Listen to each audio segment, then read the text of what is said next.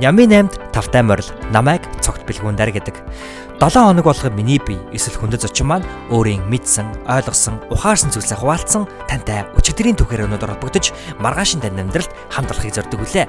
Натай хамт баярлаа. Ингээд эхэлцгээе.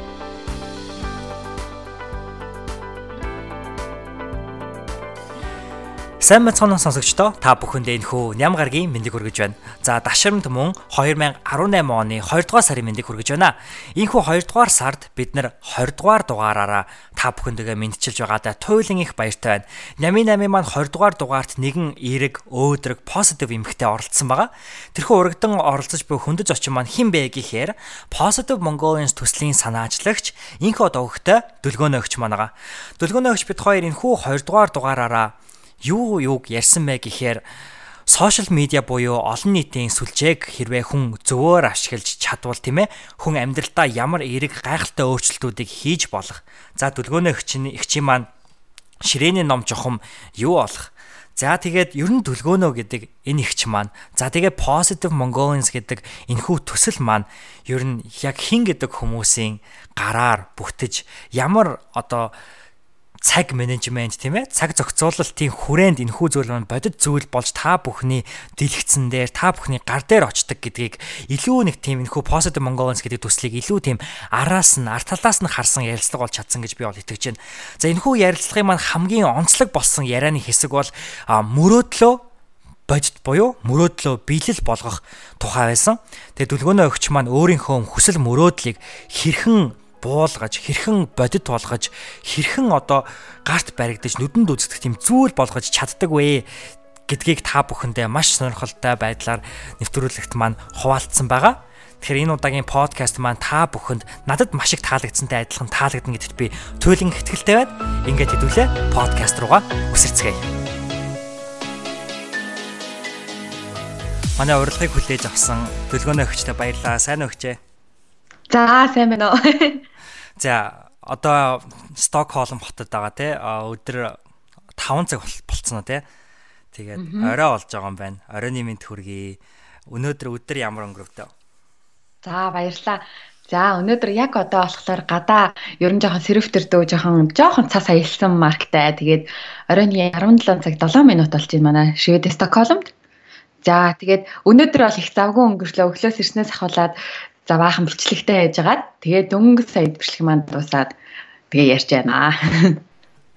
Манай төлөвнөө өгч бол айгүй завгүй айгүй гой гой контентууд төвшөө ахтай хамтраад ингээд хийдэг. Тэгээд ер нь дэлхийд даяар олон хүмүүстэй ингэж хамтардаг санагддаг тийм ээ.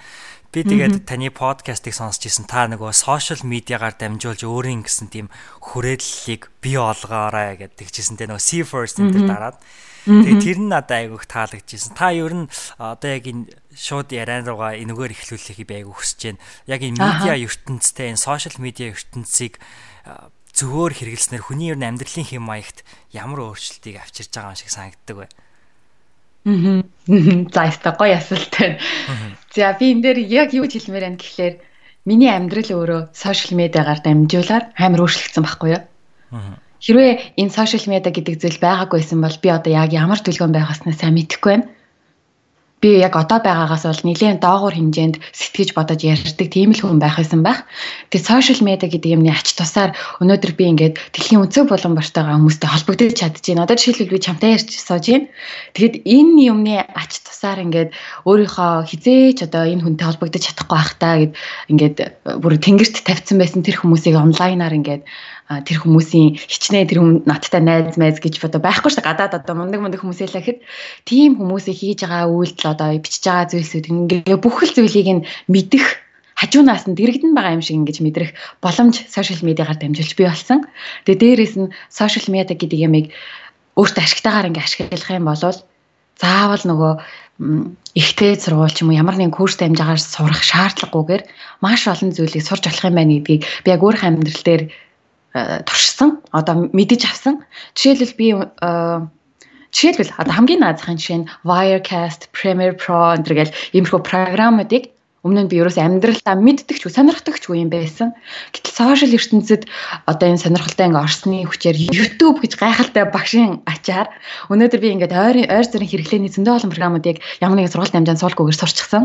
А дээрээс нь сошиал медиа гэдгийн ач тусаар ганцхан юм програм гэлэхгүй сэтгэл зүй, хувь хүний хөгжлийн талаар зөндөө олон сургалтуудыг онлайнаар ингээ өнгөө YouTube-ээс сонсч чинь энэ тентгийн сайтуудад бүртгүүлээд сургалтанд нь онлайнаар сууж болд юм байна. Гэх юмшил ингээд өөртөө зүгээр ашиглах юм бол өчнөө олон ихтэй сургуулаас илүү их хэмжээний одоо тэр мэдлэг бүх юмнууд сошиал медиад шүүлтүртээ яг зөв их ашиглаж чадах юм бол байдгаа гэдгийг бол одоо ингээ бодож явдаг аа ингэж бол мэдэж авсан. Одоо тэгээ сурах юм зөндөө их байна цаана. Би тэгээ ягаад яг энэ асуултаар эхлүүлж ийн гэхээр таны хийж байгаа зүйл одоо Монгол асар олон мянга монголчууд тийм ээ дэлхийд даяар байгаа асар олон монголчуудад хүрж байгаа таныг тодорхойлох нэгэн айгүй өчүүхэн зүйлч яж магадгүй эсвэл том зүйлч яж магадгүй гэж бодсон. Та тэгээд ер нь өөрийгөө дүлгөөн гэж ер нь хүн яг хин бэ гэдэг өнцгөөс нь өөрийгөө нэг танилцуулаач манай. Таныг мэдгүй цөөхөн сонсогч нарт маань За дэлгөөн гэд би бол хүмүүс гайхах миний мэрэгжил бол шал өөр. Хүмүүс бол намайг даа хэршлээ сэтгүүлч гэж боддог. Тэгээд би одоо анх удаал өнөөдөр ярьдیں۔ сэтгүүлч би биш гэдгээ өнөөдөр одоо ингээд олон хүмүүс сонсвол хэлмээр байна. Яг тэгэхээр хүмүүс намайг сэтгүүлч гэж боддог байхгүй юу? Би огт сэтгүүлч биш. Аа би нэгтлэн бодогч мэрэгчлээ хүн. Санхүүч нэгтлэн бодогч мэрэгчлээ. Тэгээд уул нь ийм мэрэгчлээ боловч би гэдэг яг энэ хүн бол амар юм гадагшаанаа чиглэсэн. Олон хүнд одоо хэрэгтэй юм хийчихсэн гэд нэг тийм гадагшаанаа ингэж чиглэсэн дотроо ингэ байж ганцаараа ингэж байдаг хүн бол биш. Нэг тийм гадагшаанаа ингэж чиглэсэн юм дээрвүүн юу хэмчтэй өөрийгөө тодорхойлоход. Ямар ч лсэн одоо энэ хүмүүсийн бажгаар би нэг юм тийм сэтгүүлч одоо нэг тийм амар ухаантай мундаг би бол тийм биш ээ. Би зүгээр л нэг 30 хүрэх гэж байгаа санхүүч эдийн нэгтлэн мэрэгчлээ ээж айлын ихнэр нэг тийм дэврүүн юм болгоныг дураараа хийсэн сонирхолтой тийм л эмхтэй зүгээр л энгийн эмхтэй аа та тайд хоёрын хувьд ингээд төстэй зүйл нь юу гэх юм бол миний одоо мэрэгчлэл улс төр те улс төр судлал тэгээ медиагийн чиглэлээр явдаг гэхдээ бас яг тантай адилхан айгу өөр өөр юм хийх айгу дуртай Тэгээ тэр нь бид хоёрын хувьд айгүй төстэй зүйлээж магадгүй санагдчихээн. Тийм. За тэгэхээр хоёулаа Ямин 8 нэвтрүүлгийн маань 8 асуулт байдаг те. Тэгээд 8 асуулт руугаа орцгоох уу. За тэгээ. За. Тэгээ юуны өмнө дахин дахин миний урилгыг хүлээж авсан дөлгөөний өгчтэй маш их баярлаа. За хамгийн ихний асуулт маань яг миний сая хэлсэн баярлаа гэдэгтэй холбоотой байгаа. Та энэ 7 хоногт юунд хамгийн их баярлж талархаж байна вэ? За энэ 7 хоногт э, маш их баярлж байгаа нэг зүйл нь болохоор за би өчигдөр л бас яг бодож илаа. Энэ 7 хоногт хандаа маш их баярлалаа гэж одоо хэлмээр байгаа. Тэгж бодож байгаа дотроо яагаад гэхэлэр э, намайг одоо ингээд ийм давгүй би зарим 7 хоногт амар э, завгүй зарим 7 хоногт арай гайгүй гин янз янз байдаг байхгүй. Тэр үед ингээд энэ 7 хоногт жишээлбэл би ингээд амар завгүй өнгөрсөн миний 7 хоног энэ хугацаанд яг ингээд миний хань манай төвшөө маань ингээд надад зориулаад Жишээлбэл ингээл гаднаас ороод ирэхэд миний хувцыг ингээ угаацсан бүх юмад бэлтгэсэн, жин там болгоцсон. Ингээл юмнуудыг ирэхэд бүгдийг ингээд дүлгөөнөө зөвхөн өнөөдөр монтажа хийг. Дүлгөөнөө өнөөдөр зөвхөн нэвтрүүлэх хаа тэрэндээ ингээ өөрийгөө зориулаа гэж гэдэг юм ингээд надад энэ боломжийг дандаа ингээ гаргаж өгч бэлтдэг. Тэгээд өчигдөр яг энэ мэдрэмжийг өөр ингээ мэдээ бас л ингээл ороод ирсэн чинь ингээл бас л надад зориулаад ингээ бэлтцэн. Намайг лайк тустай байх гад ингээд байгаа энэ юм нэх гоё тийм мэдрэмж төрүүлээ. Би өөр өчигдөр өөрт нь ингээл яг баярлаа гэж зүгээр нэг хэлчих нэг өөр.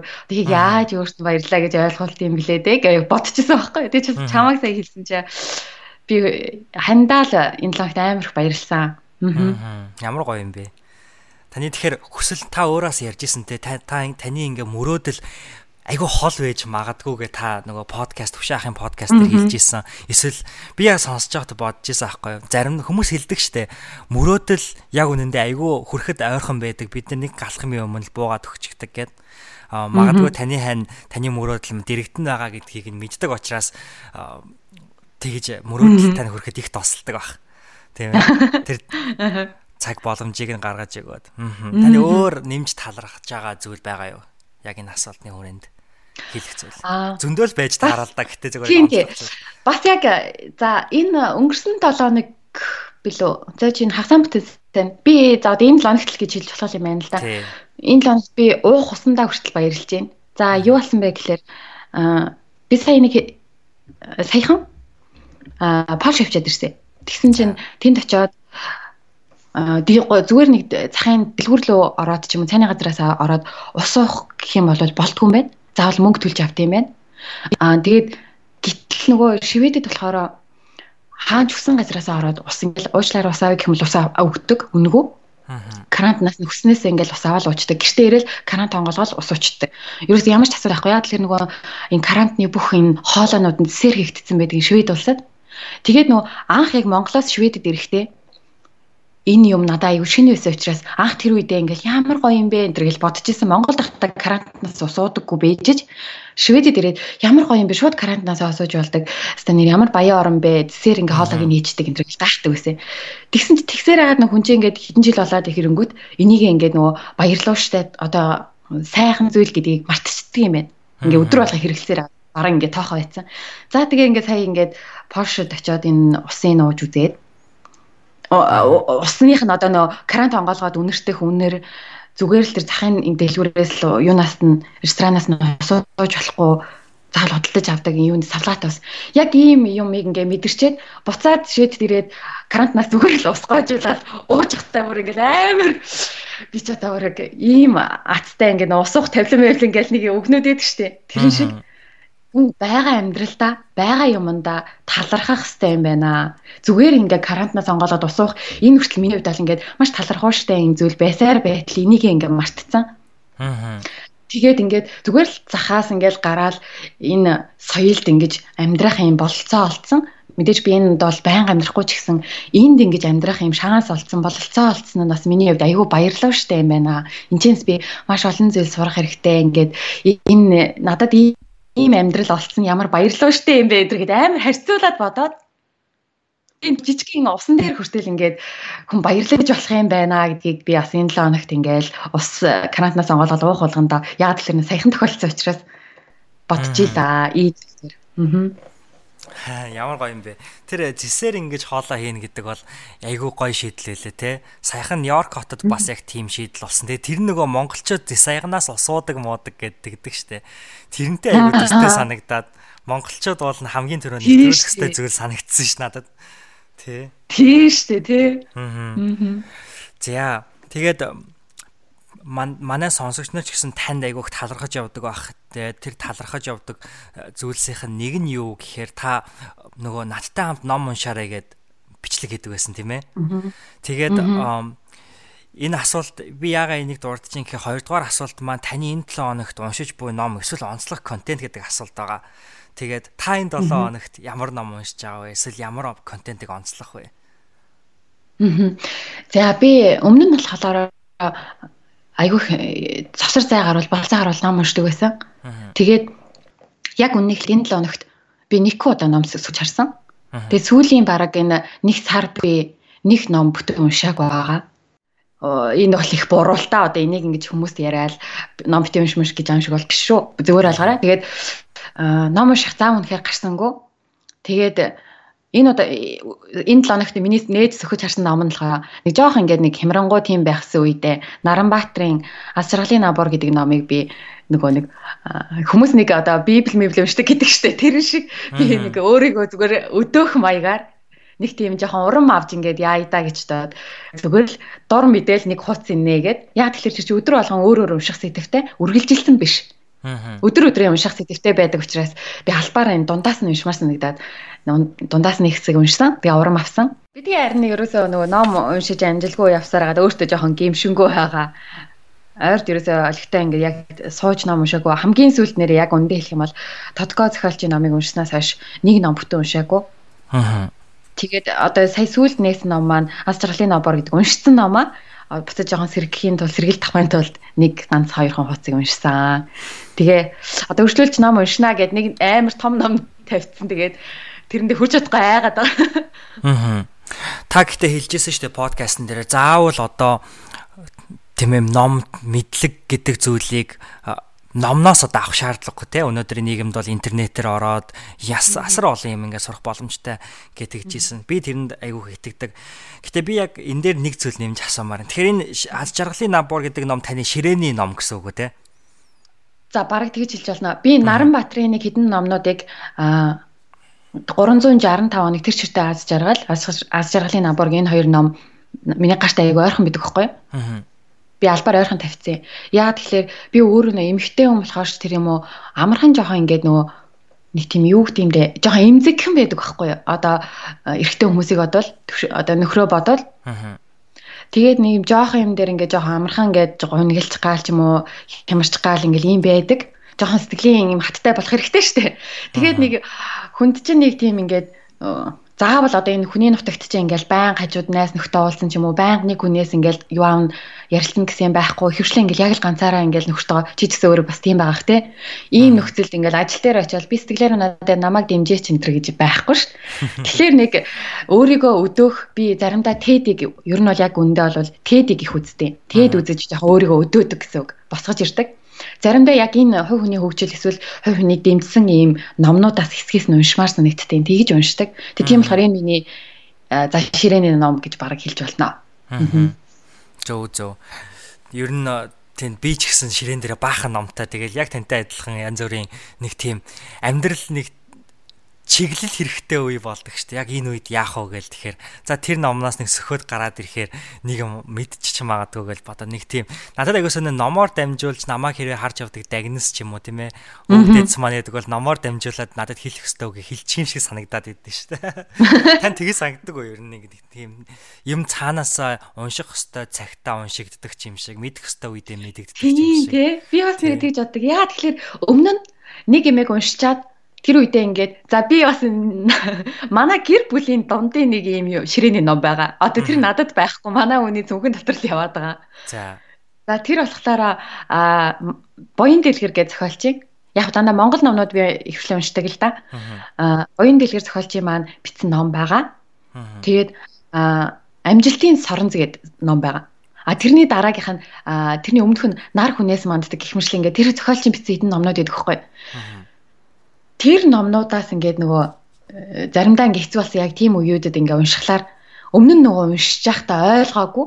Зүгээр л ингээл гэл уншсан байсан юмгаа дараа нь яг ингээд уншингууд ойлгодог байхгүй юу? Ингээл толгоор яг гэл орж ирэл тэгэхээр би яг чамтай адилхан бодно.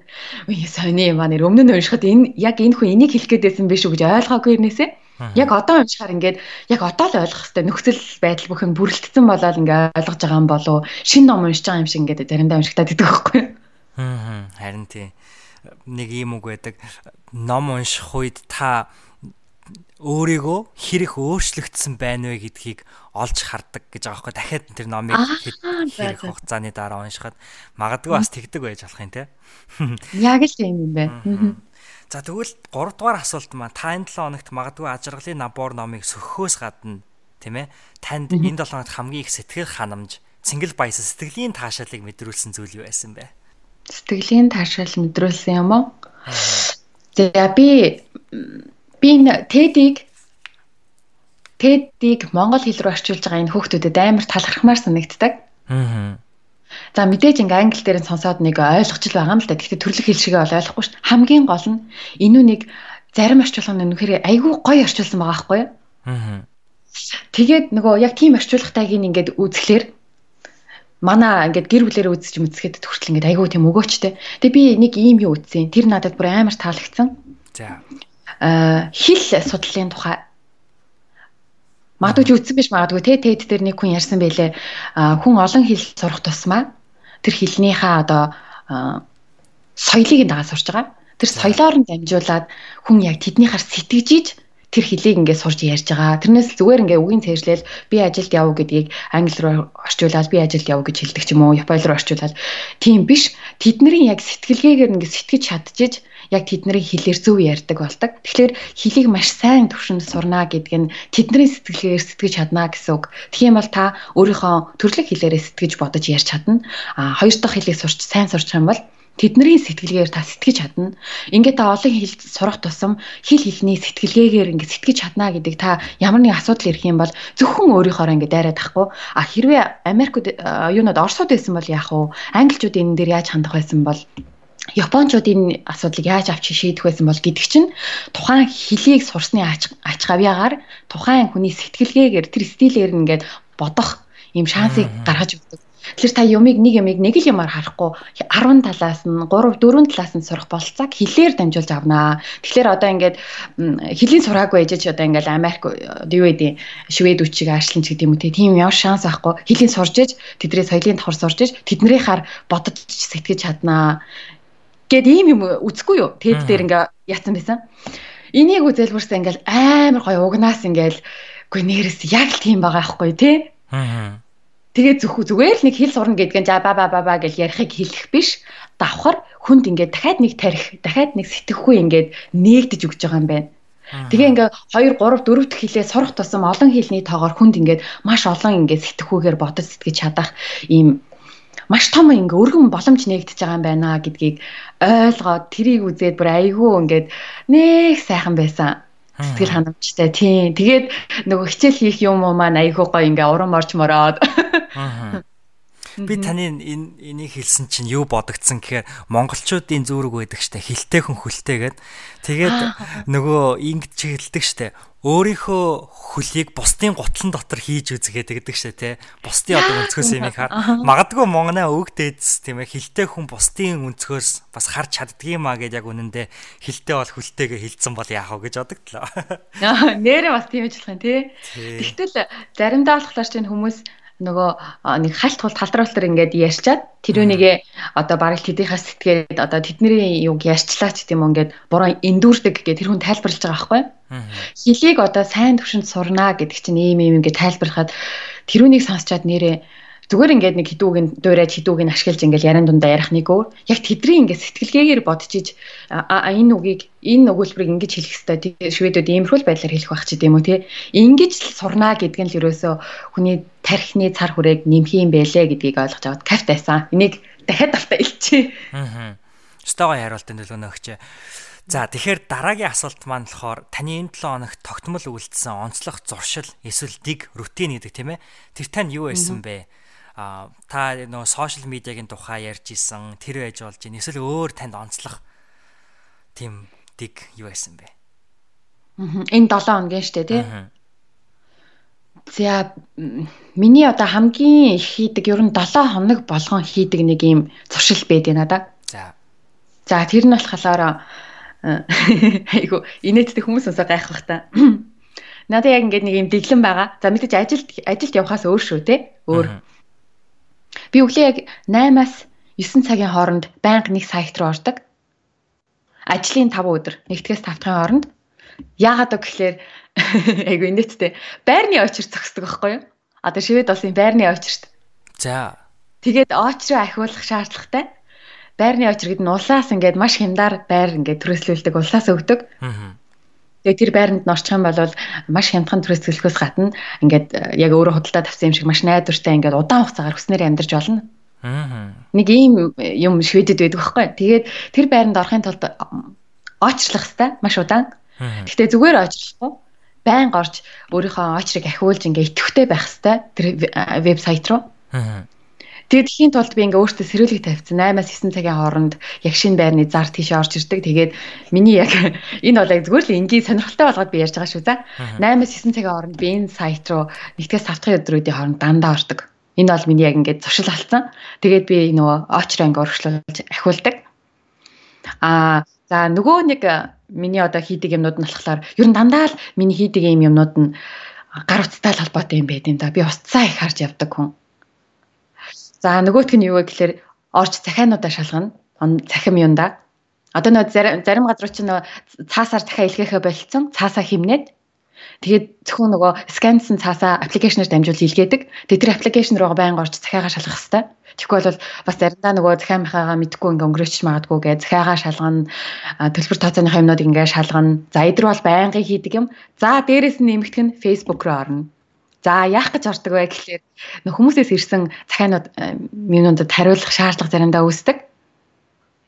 пэйж рүү ирсэн эсвэл мэйлээ бас байнга шалгана мэйл рүү ирсэн захаа гэх мэрчлэн За тэгээ дээрээс нь давхар бас байнгын хийдэг юм нь хүнээ хайнаа. Зачнаа тийм ээ. Зачнаа хайна. За өмнө нь болохоор ингээд хүмүүсийг хайгаад ингээд олоход ингээд маш хүндрэлтэй байдаг байлаа хүмүүсийн тэндээс би зөвхөн өөрийнхөө танилын хүрээгээр хүн олгох гэдэг бол айгүй тийм юм хаагтмал юм баригдмал жижигхан болчих штеп. Тэгэхээр аль болох энэ тэндээс ингээд хүмүүсийг яаж танихгүй хүмүүсээ хаанаас яаж олохог өмнө айгүй цаг зарцуулдаг байсан бол одоо нөгөө нэг туршлага суугаад яаж олвол илүү хурдан олох вэ хаагуур яаж хүнийг олох юм болох вэ? Яг бас 7 хоногт бас би яг оройдоо эсвэл ажлынхаа завсраар өдөр цайныхаа цагаар энэ төр яг дараа дараагийн нэвтрүүлэгт орох хүмүүсээ хайдаг. Энэ бол бас миний зуршил болчихсон. Тэгээ энийг маань бас манай гэрийн хүмүүс бас хүмүүсээс айгүй ойлгодог. За тэгээ бас 14 хоногта нэг удаа өдөрч ингээ бүтэн өдрийг зөвхөн нэвтрүүлэг бичгтээ гаргадаг. Өмнө нь болохоор 7 хоногт нэг л удаа бүтээсээ өдөр дандаа шуудаар ингээ нэвтрүүлэг бичдэгсэн бол одоо 14 хоногт нэг удаа ингээ бүтэн өдрийг нэвтрүүлэг бичгээд зориулж гаргадаг. За тэгээд бос үед нь мэдээж ажиллаа хийн ингээд юунуудаа ингээд яхахлаар ерөнхийдөө бол гар утастай дандаа холбоотой юмнууд идэв да. Хүмүүсийнхаа танилцуулгыг хийн, тийг нэгэн зургнуудын цуглуулна, хүмүүсийнхаа тухайн материалыг бэлдэн, уншин судлана гэл. Дандаа л энэ бол миний байнгын хийдэг юм учраас би яриад байгаа шүү за. Тэг байнга хийдэг учраас тийм. Аа. Та одоо ингээд байнга таныг ингээд сонсож байхад л айгүйх ачаалалтай санагдаж байна л да. Аа. Яг ер нь одоо цаг зохицуулалтын хувьд тийм ээ яаж тэрийг хийдэг вэ? Цаг менежмент ер нь өдрөө одоо хуваарлахын тулд ямар алхмууд авдаг вэ? Би яг ингэдэх гой 7 хоногийн 5 өдөр нь ажилтдаг. Аа. Тэгээд а 2 өдөр амарна. Тэрнийхээ нэг өдрийн зөвхөн гэр бүлтэй яг тэр амрах өдрөө гаргадаг. Өмнө нь болохоор нөгөө учир зүггүй ингээл амар юм өөрийгөө махалтаал ингээл дайраал хийх гээл бүр хичээж бичээгээл. Тэрнээс болоо стресстэй бүр хямарч мямраад бүр ингээл аюу хэцүү байдалд орсон. Хүнд үнэхээр амралт хэрэгтэй юм бэлээ гэр бүлтэйгээ ингээд зүгээр яг амрах хэрэгтэй ёстой юм бэлээ бүр. Одоо сурж байхад ч гэсэн хүн яг ингээ хажууд нэг өдрийг зөвхөн амрахад зориулж явах хэрэгтэй юм бэлээ гэдэг. Айгу бодож иж энийг ойлгосон л да нилээн удаан стресстэй байж байгаад Тэгээд одоо би бүтээсээ өдрийг одоо онлайн руу яг нэвтрүүлгээ апплод л хийж оруулж байгаа болохоос бүтээсээ өдрийг зөвхөн яг амархад зориулж байгаа. Аа. Бүтээсээ өдөр а ер нь бол хүнтэй ажил янз бүрийн юм ярих ч тийм юу байхгүйгээр л аль болох утас руугаа ч аль болох шагаахгүй хичээж байгаа. Тэгээд бүтээсээ өдөр яг гэрүүлтэйгаа өөртөө яг дуртай юм гэдэг яг ингээ амраах өөрийнхөө тархийг амраах ингээд юм болцоо гарахгүй бол баян ингээл нэг юмнуудаа ингээл хянаал бодоол гэх юм бол яг галзуурах юм илээ. Тэгэхээр бүтээсээ өдрөө миний хувьд бол зүгээр л өөрийгөө зөвхөн амраах Тэгээ тэр амраах өдрөө гэрүүлт байгаа гадуур кино үзэж болж гин эсвэл гэртээ кино үзэж болж гин эсвэл ингээд ямар нэгэн дуртай юм хийх ээжтэйгээ уулзах гадуур алхахад ингээд өөр юмнуудаа хийчин. А 5 өдөр нь ажилтдаг гэж хэлэндээ нэг өдөр илүү гарч байгаа Тэр илүү гарсан нэг өдөртөө ихэвчлэн хийдэг юм нь монтаж, эвлүүлэг хийдэг. За эвлүүлгээ хийн заримдаа амжуул хоёрыг хийчин, эсвэл нэгийг хийчин а 14 хоногтоо нэг тэр өдрийг одоо 14 хоногт надад 2 өдөр гарна штэ. Тэрнийх нь нэг өдөрт нь бүтэн ингээ бичлэгтэй өглөөнөөс орой хүртэл их хурцлан бичлэгтэй дундуур нь өөртөө жоохон амрах цаг маа гаргана. Өнөөдөр бол би чамтай ярилцсан гэд нэвтрүүлгүүдээ бол нэлээд шахсан. За тэгээд дахиад нэг хоног үлдчихэж байгаа 14 хоногт. Тэр яг нэг хоногтой болохоор монтажнуудаа хийхийг амжуулахыг боддог.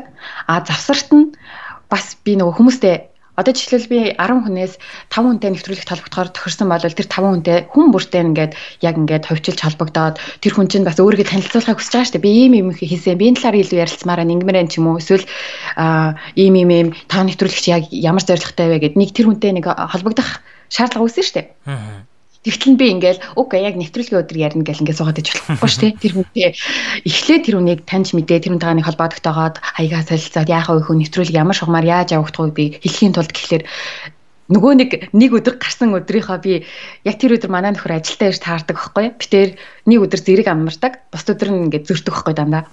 Тэгэхээр би тэр өдрийг ганцаараа амардаг учраас энэ өдөртөө багтаагаад нөгөө уцаар яаж ойлголцох гэж байсан тайлбарлах юмнуудаа тайлбарлан хүмүүстэйгээ холбогдно За тэгээд завсар гарах юм бол өөртөө зориулж цаг гаргаад дуулна да.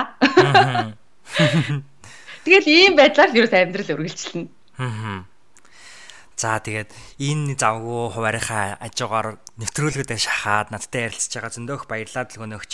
Таны хийж байгаа монтажууд, бичлэгийнх нь одоо хим маяг тэр өнгө энэ төр бол надаа аюу гой өрөмөц тэгээ эерэг тийм ээ цаана явж байгаа тэр дуу аюу гой нэг тийм ад жаргалтай дуу ингээ сонсохоор шууд ингээл нэг гой сэтгэл ингээл нэг санаа зөөлрөл нэг гой болцдог шүү. Тэгээ тэрэнд нь олон хүмүүс тийм зүгээр олон хүмүүст тэрүүгээр танаас та хоёроос ер нь positive Mongolian төслийн хүмүүсээс айгүй их тийм нөлөөг авдаг бах. Яг одоо надтай авж байгаа адилхан. Тэгвэл тэрнтэй адилхан тав дахь асуулт маань таны энэ 7 хоног танд хамгийн их нөлөөг хэн яаж үзүүлсэн бэ? Миний энэ 7 хоногт надад нөлөө үзүүлсэн хүн үү? Аа. Таны зочин тань байв уу? Магадгүй төвшаах байв уу?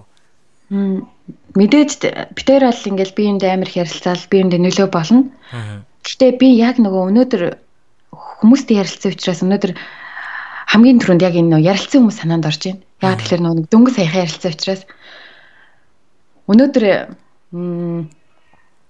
одоо би нэрийг хэлэхгүйгээр нэг хүн нэг хүний хэлсэн үг надад ингээм амар зүйлийг бодогдуулсан. За тэр хүн болохоор Япон улсад амьдардаг ажилтдаг нэг хүн. Маш даруухан нэг юм залуу байгаа удахгүй бас ингээ хүмүүс нэвтрүүлгээс үзэх байх. Тэр хүний хэлсэн ярьсан юмнууд нь өмнө нь юусоо бодож үзэж байгаагүй юмнууд ингээ хэлсэн. Одоо бас ингээл үе үе бас ингээд тэр хүний ингээд хэлсэн үг санаанд ороод байна л да. Айгу айгу гоё юм өмнө нь юусоо бодож байгаагүй юмнуудын талаар ярьж өгсөн. Юу ярьсан бэ гэхлээр гадаад байгаа монголчууд ингээд аа эх орн руугаа ингээл очин мочин очиоч ч юм уу эсвэл очиулах гал зөгийн өвөр хөтөлбөр гэл ингээл янз янзын юмнууд өмнө болж ирсэн шүү дээ тий. Тэгэл одоо хүмүүс ч гэсэн ингээл зарим Монголдо байгаа хүмүүс аягүй шүүмжтэй нэг л гадаадад гарчаал ингээл ирдгүү тэгдгүү ингэдгүү гээл эсвэл нөгөө ингээл нэг тийм сайн сайны ойлголтууд байдаг шүү дээ. Гэтэл гадаадад байгаа сургууль одоо жишээлбэл чи сургуульдаа сурж байгаа, сургуулаа төгссөн, ажил хийж байгаа хүмүүс Монгол руугаа явах гэхэд нэг л юм болтгоо гэд миний ерөөсөө ингээд санаанд ороогүй нэг юм хэлсэн байхгүй юу? Тэр нь юу байсан бэ гэсэн чинь хүн ганцаарддаг гэдээ хэллээ. Аа. Ганцаараа ингээд зориглоод сургуулаа төгсөөд ингээд ажлын туршлагатай олцоод очингууд яг ингээд Монголын нийгэмд байгаагүй утас олон жил болсон хүн тэнд очиод бусад ажлын байрын юм дээр орох юмгууд яг ганцаарддаг.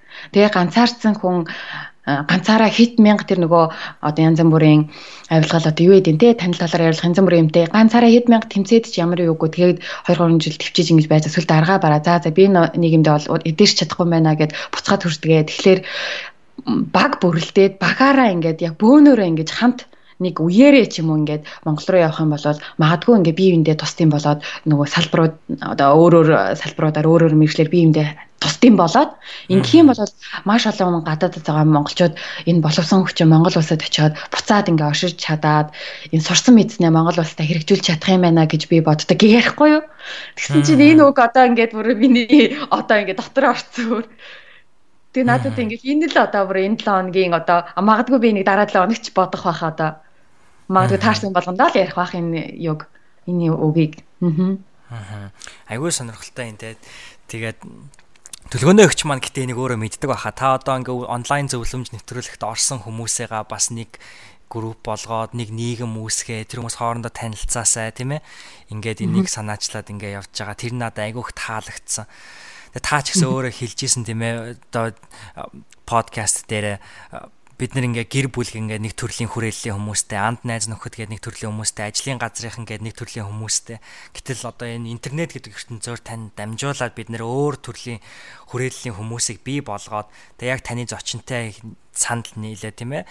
Магадгүй яг тэр бөөнөрөө Монгол руу яриад хамтаа бүгдөө очихгүй ч гэсэндээ нэгэн ажил санаачлаад ингээ хийх ч юм уу? Тий. Тэгэхээр тэр бүх боломжуудыг бас мэдээж хэрэг бүтээхийн төлөө та зүтгэж байгаа гэж би хувьдаа харж явдаг. Тэгээ танд тэрэнд чинь бас их талархах талархал бас илэрхийлье олон монголчуудынхаа өмнөөс. Баярлалаа. За тэгвэл 6 дахь асуулт руу ойл орох уу? За. За 6 дахь асуулт маань та өнгөрч буй 7 хоногт юунд илүү их цагийг, юунд илүү бага цагийг зарцуулсан болоосаа гэж хүсэж байна.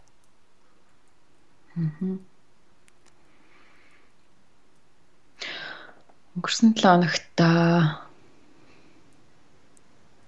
би заримдаа нөгөө гэр бүлийнхаа хүнтэйгаа болон манай энд энэ шивэдэд манай хадам ээж байдаг байхгүй манаас ихч маань байгаа миний төрсөн ихч маань байгаа. Миний хамаатны охтууд үеэлүүд маань байгаа. Тэгвээс өчтөрхөн бас мессеж аваад миний үеэл охин холбогдоо сайн уу гэж холбогдсон дотроо ингээл амар сонир мэдрэмж төр яагаад вэ гэхэлэр заримдаа ингээд нөгөө өөрийнхөө туртай ямиг хийж байгаа учраас ингээд яг ийм юмд гүн орчдөг байхгүй юу яг миний хувьд ч за би яг өөрийгөө л ярьж байгаа. Би ингээд нэг юм руу ингээд яг ингээд энэ л яг болох юм ийм юм тийм юм гэл ингээхлээрэ тэр юм руугаа ингээд амар гүн орчих гоод идэг. Миний бол ингээд өнгөрсөн 7 хоногт яг би энд айгүй их цаг зарцуулсан байгаа байхгүй. Жишээлбэл нэг бодлын надад өөртөө ашигтай ингээд өөрийнхөө хөгжил төв нэмэр оруулж ийн тэгж ин ингэж ин гэж байгаа боловч энэ маань нөгөө талаараа намайг ядчил үеэл охтод охтуудаас холдох юм юу болгочихж байгаа байхгүй төрсөн ихч маань энд байсаар атал би ихчтэйгээ сардаа 2 сардаа ч юм уу нэг л удаа уулздаг. А утсаар болохоор хоёлаа байнгын утсаар нэг ярих юм бол 2 3 цаг яг тэгээ нэг яг ийм амьдралд орчихлоор нэг ийм сонин одоо би одоо яг танаа үзэгчдэд л гэж яг үнэнгээ хэлье. Одоо хотлын янз бүрийн маяглж мэглал нууч мохгүйгээр ингээ өөрийгөө ингээд одоо яг тийх хэвээр ингэх хэвээр даачлаад ингэх тусам хөө ингээд цагийг бүр ингээ амар харам болчдөг юм лээ харамч Би бол одоо яг одоо заримдаа ингээд цаган дээр ингээд амар харамчулдаг. Тэгээд аяг муухайш гаргадаг. Жишээлбэл аа одоо ингээд тийшээ явчаад ирэх хэд надад явж ирэхэд 2 цаг ч юм уу 3 цаг зарцуулагдах болчдөг байхгүй. Нэг тийшээ явах гэхлээр одоо жишээл хамгийн наазахын их чих руугаа яваа гэхлээр замдаа цаг гарan буцаад ирэхийн цаг гарan гэхлээр би ингээ 3 цаг тийш явахад алдах болчиход байгаа байхгүй. Тэгэнгүүт энэ 3 цаг алдчихаар би энэ ч ингээд энийг нэг хийгээд энийг ингэчих юм бол бараг дээр юм байна. За за ядаж энэний хооронд ингэчий даа ч гэдэг юм ингээд нөгөө нэг өөрийнхөө нэг хувийнхаа ямиг хийх гээл ингээд тэрэндээ л улаарад идэг. Тэгээд ангууд нөгөө нэг өөрийнхөө хайртай дотны энэ амьд харилцаа гэдэг юм болох одоо хамгийн чухал болох гэр бүлийн төрсэн ихчтэйгээ уулзах, ихчийнхаа хүүхдүүдтэй тань ингээд уулзаж татна байх, үеэлүүдтэйгээ уулзах, үеэлийнхаа хүүхдүүдтэй тийм юмнаас холдуулчт юм байна. Тэгээ би одоо ингээд сүүлийн өөрийгөө анзаараад байгаа нь хитрхи их ингээл тийм ч юм хийн, хийм ч хийн гэл амар их зориг тавиал 7 хоногоо төлөвлөөд ингээд байгаа нь намайг өөрийг маань гэр бүлээсээ холдуулахад хүргээд байгаа байхгүй юу. Үнэхээр л яг яалч аргагүй гэр бүлтэй хамт амьдарч байгаа нөхөртөйгээ хамтаагаа олвчиг. Өөр бусад хамаатан садан хамт энэ нэг оронд байгаа ирнээсээ зорилгын төлөө. Би одоо ийм юм сурах юм чинь тэх хэвээр ингэх хэвээр гэдэг ийм амар олон юм ингээд тавиад өөртөө ингээл нөгөө өдөр болгон юм шэм юу гаргаал хуваар муур гаргаал. Энэ амарсан өдрөө би ийм л юм хийн гээл тэгэл тэр тэр үед нь тааруулаад хүн юм асуучвал яна уучлаарай би завгүй. Тэргээд л ингээл нөгөө амар өөрийгөө ингээд шахаа заримдаа хитрхи юм байх нь маш муу юм байна. Тэгээд өчигдөр ингээ би өчигдөр хамаатны охин маань сайн өндөр гэвтсэн чинь хамаатан хоохны хүүхдийг харааг бас зөндөө утсан байна. Тэр хамаатан хоохонд уулзааг утсан байна. Харилцаа ингээ жоохон хөндөрж байгаа нь надад хүртэл өөрт мэдрэгдээд их жагаа хүүхдүүдтэй ингээ хүртэл айгүй хол хол уулцсан. Ийм мэдрэмж төрөөл нэг л тийм юм сонин санагдаад тэг ер нь бол цааш цааштай бас яг надтай адилхан ингээд улаарч байгаа бүр ингээд юм хийх гээл зүтгэж байгаа ч юм уу тийм хүмүүс байгаа бол сонсож байгаа болвол би ингээд маш чухал нэг л юм хэлмээр байна. Энэ болохоор хүний амьд харилцаа ялангуяа гэр бүл доторх энэ амьд харилцаа гэдэг хамгийн чухал бүх юмнаас чухал. Тэгэхээр яаж игээл өөртөө цаг гаргах хэрэгтэй, яаж игээл э, ажиллаа зохицуулаад гэр бүлийнхэнтэй уулзах хэрэгтэй, уцаар ярих хэрэгтэй. Мм хайртай дотныхоо хүмүүстэй цагийг гаргах хэрэгтэй гэж л би одоо хэлмээр байна. Тэгэхээр миний хувьд бол яг хитрхи их нөгөө өөрийнхөө ажил өөрийнхөө одоо ингээд өөрийнхөө хүсэл зорилгыг нэгт хитрхи тавиад тэрэндээ их цаг гаргачаад өөрийнхөө хайр татны хүмүүстэй жоохон баг цаг гаргасан байна гэж гэж л одоо хэлмээр байна. Аа. Айгу гой хариултанд дэлгөнөгч маш их баярлалаа. Ялангуяа өнөөдрийн 21-р зуунд бид нар ямар их мэдээлэл донд тийм ээ ямар их ачаалалтай амьдарч байгаа илээ. Үнэхээр бодох зүйл гэж би хувьдаа бодож байна. Маш их баярлалаа. Та тэгвэл долоод асуулт маань дараа 7 хоногийн өөртөө юу гэж захих вэ? Манай сонсогч нарт маань та амьд харилцаа бүхнээс илүү чухал гэж захилаа. Тэгвэл өөртөө юу гэж захих вэ? Өөртөө? За, өөртөө дараа 7 хоногт бол амралт ажиллаа тааруулаад За дараа 7 хоногт өөртөө би нэг хайлтхыг гэс бодоотгоо. За.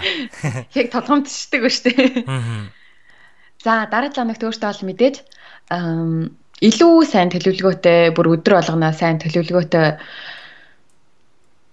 юмнуудаа сайн төлөвлөөд ингээд өөртөө өөртөө хувьдаа болон өөр хүмүүст цаг гаргах юм болцоог л өөртөө одоо хүсэж байна да. Дараа 7 хоногийн дүлгөөнд. Аа. Тэгээ би ингээд таны яриаг ингээд сонсож байхад энэ подкаст одоо яг энэ дүлгөөн гэдэг ихч танай гэр бүл. За ер нь positive Mongolians гэдэг төслийн айгүй тийм араас нь харсан ярилцлага болсон юм шиг санагдаж байна. Ягаад гэвэл гэхээр та одоо ингээд 7 хоногоо 14 7 хоногоор тийм ээ яаж төлөвлөдөг яаж шахуун ингэж ажилтдаг а гисэн ч гэсэндээ бас өөрийгөө дахин сэргээхийн тулд гэр бүлдээ яаж цаг зарцуулдаг тийм ээ. Энэ бүхнийг ингээд сонсож байхад надаа айгүй сайхан санагдаж байна дашрамд мэдээч хэрэг таны одоо төслийг дэмждэг хүний хувьд хардаг, үздэг, сонсдог. Маа найз хүн битгаар хоёлаа таны влогуудыг ер нь үздэг. Тэгээд ингэхэд бол та хоёрын хүсэл мөрөөдөлтөд заавал хүрээсэ гэж олон хүмүүс хүрч хүсэж байгаа бах. Тэгээд тэргээ хүмүүсийн бит хоёр бол тэр хүмүүсийн төлөөлөл гэж бодож байна. Тэгээд 8 дахь асуулт маань болохоор нэвтрүүлгийн нууц асуулт гэж явдаг. Нууц асуулт гэдэг нь юу вэ гэхээр ер нь яг сонсогч зочиндоо зориулсан юм асуулт байдаг. Тэгээ та ярилцлаган дээр яг ингэж хэлж ийсэн өөрөө анзаарсан байж магадгүй үгүй ч ч магадгүй та та мөрөөдөл маань айгүй хол байж магадгүй гэж хэлж ийсэн шүү дээ. Та гэтээ хаана байгааг нь мэдэхгүй ч гэсэндээ ингээл өөрийгөө ингээл зүтгээл хичээгээл ингээ явж идэг гэдэг. Та нөгөө нэг сүү зардаг хүн болохыг хүсэж ийсэн гэж хэлсэн тий. За тэгвэл таны мөрөөдөл за та нууц султ маань юу гэхээр та дараа 7 хоногт одоо энэ ирж буй 7 хоногт нэг л зүйлийг өдрө болгон ингээд хийвэл таны мөрөөдөл маш ойрхон одоо төгөж ир магадгүй 8 дахь хоног дээр таны мөрөөдөл таних болно гэвэл та дараа 7 хоногт одоо юун дээр л хамгийн их цагийг зарцуулах вэ? Яг тэр мөрөөдөлтөө хүрэхийн тулд. Яг нэг 7 хоногт 7 хоног нэг л зүйлийг хийнэ гэвэл А тэгэхээр чи наа чи шууд миний мөрөөдлийг шууд мэдх юм биш үү? Тэр юм биш үү? За миний мөрөөдөл бол аягүй инээдтэй. Би хэлэхгүй заяа. Мөрөөдлөө хүмүүс харин яагаад тэгэхээр чинь Миний ард түмний хүмүүс бол миний мөрөөдлийг одоо гэрт маань орж ирэл уншин штэ. Хан дээр ингээл би тэр хамаг юм бичиж тавьсан байгаа штэ. Биелүүлэх гээд өдөр болгон харж унших гад. Тэгээ тойруулаад бүр гэрэлээд наацсан. Гэрэл нь ачиж одоо гэрэлдүүлээд татж байгаа байхгүй энийг уншаач гэх гэж байгаа юм шиг. Тэгвэл заримдаас ингээл уншиж амжихгүй шүү. Тийм шүү. Тэгээд энэ мөрөөдлийг бол манай ойр татны хүмүүс орж ирэл уншдаг уншиж л байгаа л та мэдээж. Тэгэл энэ хоёр одоо ямар аимшигтэй мөрөөдсөн ингээл гэж байгаа. Би одоо бас ингээ ярьчих юм бол зарим хүмүүс намайг мэднэ, зарим нь мэдхгүй хүмүүс зөндөө байгаа. Тэгээ мэдгүй хүмүүс чинь одоо ямар амар хөөрцөн том юм өрөөдөг хүүхэн бэ гэдэг юм тэгж бодож магадгүй. Ойр дотны маань хүмүүс бол аа явахтай дэлгөө маань ингэ ярьж хагаад тэрнийхээ төлөө л ингээл явж байгаа гэдээ ойлгох бах. Тэгээд мөрөөдлөө шууд ингээд би бол хэлж чадахгүй нь ойлгоорой. Тэгэхээр би дараа 7 хоногт хэрвээ нэг юм ал хийх байсан бол Бистэ нэрэ айгүй л юм бичгэл байсан бах таа л гэж хэлээ. Юм бичнэ. Тэ. Тэр нь яг юу аах вэ? Зохиол аах вэ? Эсвэл сургамж аах вэ? Аль эсвэл шүлэг аах вэ? Юу юм бол? Жаахан ухчаад. Би нэг тийм нууцхан бас нэг хүслээдэг байхгүй. Тэр нь би за мөрөөдчил байгаа юм. Тэгээд бас нэг өдөр бас миний нэг мөрөөдлийн нэг л дээ. Одоо тэр томын маань нэг нь бишээ бүр дунд чинь за. Наа хичгэнсэн гэж их одтэй тэгээд тэр ном нь болохоор утга санаа энэ төр одоо юмнууд нь тийм сайхан хүмүүст нэг шалын юм өөр мэдрэмжийг өгсөн. Одоо тийм бүр юм зохиомл одоо юу энэ төр Тэгээ юу гэмэр ч юм дээ. За би энийг бол ярихгүй. Санаагаа алдчих. Тэгэхээр би ямарсан ном бичнэ гэж мөрөөддөг. Тэгээ тэр э, дараа талаа юм бичих байсан бол одоо юм л бичих байсан бах та. Биш ээ дараа талаа юм хийх бол ном л юм л бичих байсан бах та 7 8 хоног. Тэгээ одоо бас ингээд хамаагүй ярьцлаар энэ одоо ямар хөөрцөн өнгөрсөн юм ч юм уу тэгчих байх гэж бодоод би бас айгүй санаа зовоод яагаад нь ш. Ойлгож чинь тэгэлгүй хаа мэдээж хэрэг маш том мөрөөд нь том мөрөөд нь гэдэг бол өөрөө маш гайхалтай зүйл те. Би гэхдээ энэ дээр нэг юм асуу маань та ингээд мөрөөдлөө ханан дээрээ бичээд гэрэл гэрлэр ингээ бүр хүрээлүүлээд ингэдэг гэж штэ те. Тэгэхээр та ер нь одоо энэ нөгөө нэг юу яадаг штэ хүмүүс таталцлын хууль гээл тэгдэг те хүн хэрэг юма хүснэ бодно тэр эдий чинээгээр өөрийнхөө мөрөдлийг татдаг гэд. Та ер нь тэрэнд хэрэг итгэдэг вэ? Би итгэдэг. Гэхдээ энэ яг нөгөө нэг ийм тийм одоо даалд юм уу аа ямар юу төглийн нэг чинь даалд хумсар мохомсар гэдэг үү? Юу гэдэг вэ? мухар цэцэг мүсэг гэж нэг хүмүүс тиймэр хэлдэг штэ. Би бол тэгэд тэр талаас нь бол биш. Энэ угаасаа угаасаа логикоор яг үнэн байхгүй юу?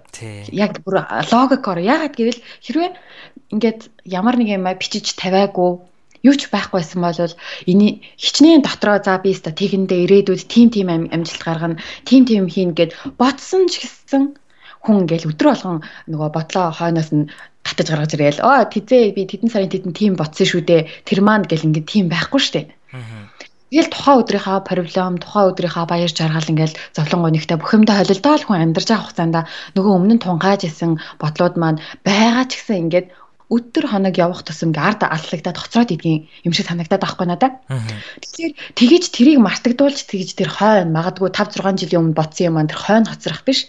Тэрийгэ бүр цаасан дээр бүгдийг пад буулгалаа. Буулгасан цаасаа дөлгөөнөө бити мартаарай чи ийм юм бодож мөрөөдсөн шүү гэд нэг газар нүднийхээ ойр тавьчих хэрэгтэй юм шиг санагдсан надад. Энэ бол ерөөсөө мохор сүз биш. Тэгээд хүн чинь нэг бодож байгаа л тэрийгэ хийндээ хийндээ 5 жилийн өмнө тийм мөрөөдсөн дөө хийндээ гэд ингээр гараас гарнаас юм гарч өгдөггүй нөмрөөдлийн төлөө хийсэн юм нэг тийм олигтой биш те. Тэгээд ингээд нөгөө цаасан дээр буулгаад нүднийхээ өмнө ингээд тавьчихна гэдэг чинь гараараа ингэж бичиж буулгана гэдэг чинь амар том алхам. Дээрээс тэрийг хананд ингээд тавьчихна нүднийхээ ойрхон тавина гэдэг чинь бас нэг алхам. За тэгээд ийм болгоцсон бодит ингээд бичээд ингээд нүдний өмнө тавьсан юм чинь яаж ч л одоо төвшөөг дээр ингээл заримдаа мууддаг байхгүй юу? Хүн юм ээ хорд хэрэлт нь муудна. Тэр үед уурлал ингээл гэрээ хаалганы хажууд ядж хахад нөгөө мөрөөдөл юм самбар байгаа. Тэгэл уур гээл гэрээс хүн гарахгүй шүү дээ. Яагаад гэвэл ийм их юм хамтдаа мөрөөдсөн учраас энэ мөрөөдлийг хэрвээ би тэр хэрэлдээд ингээ модалтай салах юм бол энэ мөрөөдөл байхгүй болно доо гэсэн юм бас ингээд тэр техник гүнд ингээ суудсан. Тэгээд нөгөө ийм мөрөөдөл гэдэг юм чи ингээ байнга ингээ байгаагийн үр ашгаар өдрө болгон тэрийг харна. Сэтгэлээр унсан, баярлсан жаргалсан ямар л үедээ ингээ нүдэнд харагдана санаандгүй одоо өглөөс ирээл ч юм харагдана. Харагдах тоолонд би ингээх ёстой хүн шүү дээ гэ ингээд дахиад толгоонд нэг юм анхааруулга дион дион гэж очиод байгаа байхгүй. Тэгээд тэгснийхаа ачаар одоо энэ зон эхнийхээ мөрөөдлийг хийх гэж байгаа. За.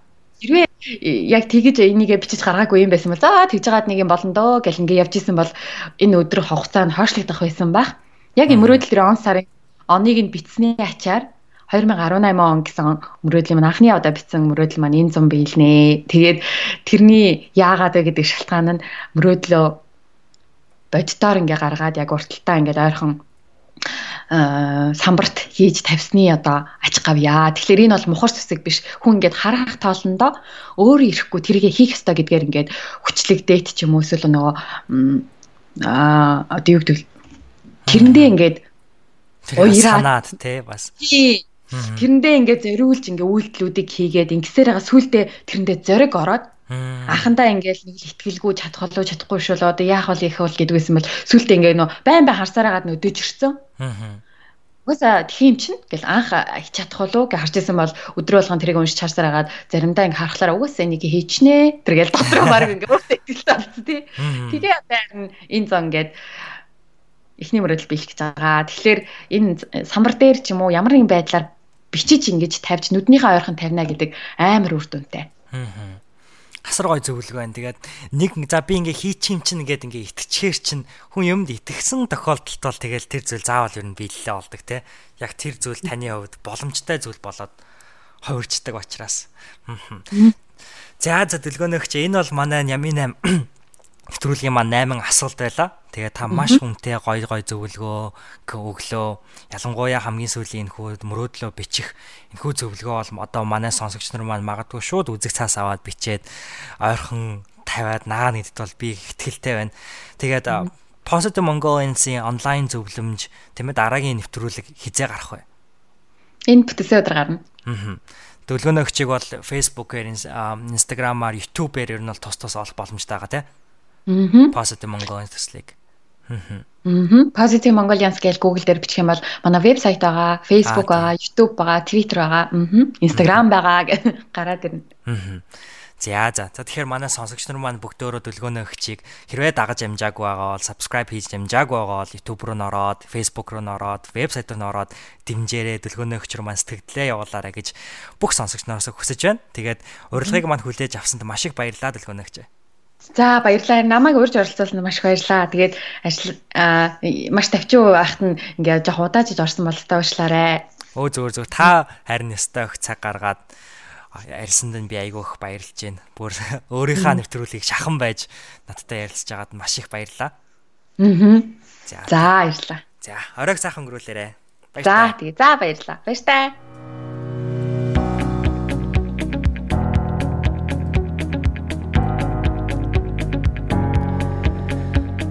та бүхэнд маань энэхүү Нямина подкастын маань 20 дахь дугаар маш их таалагдсан гэж итгэлтэй байна.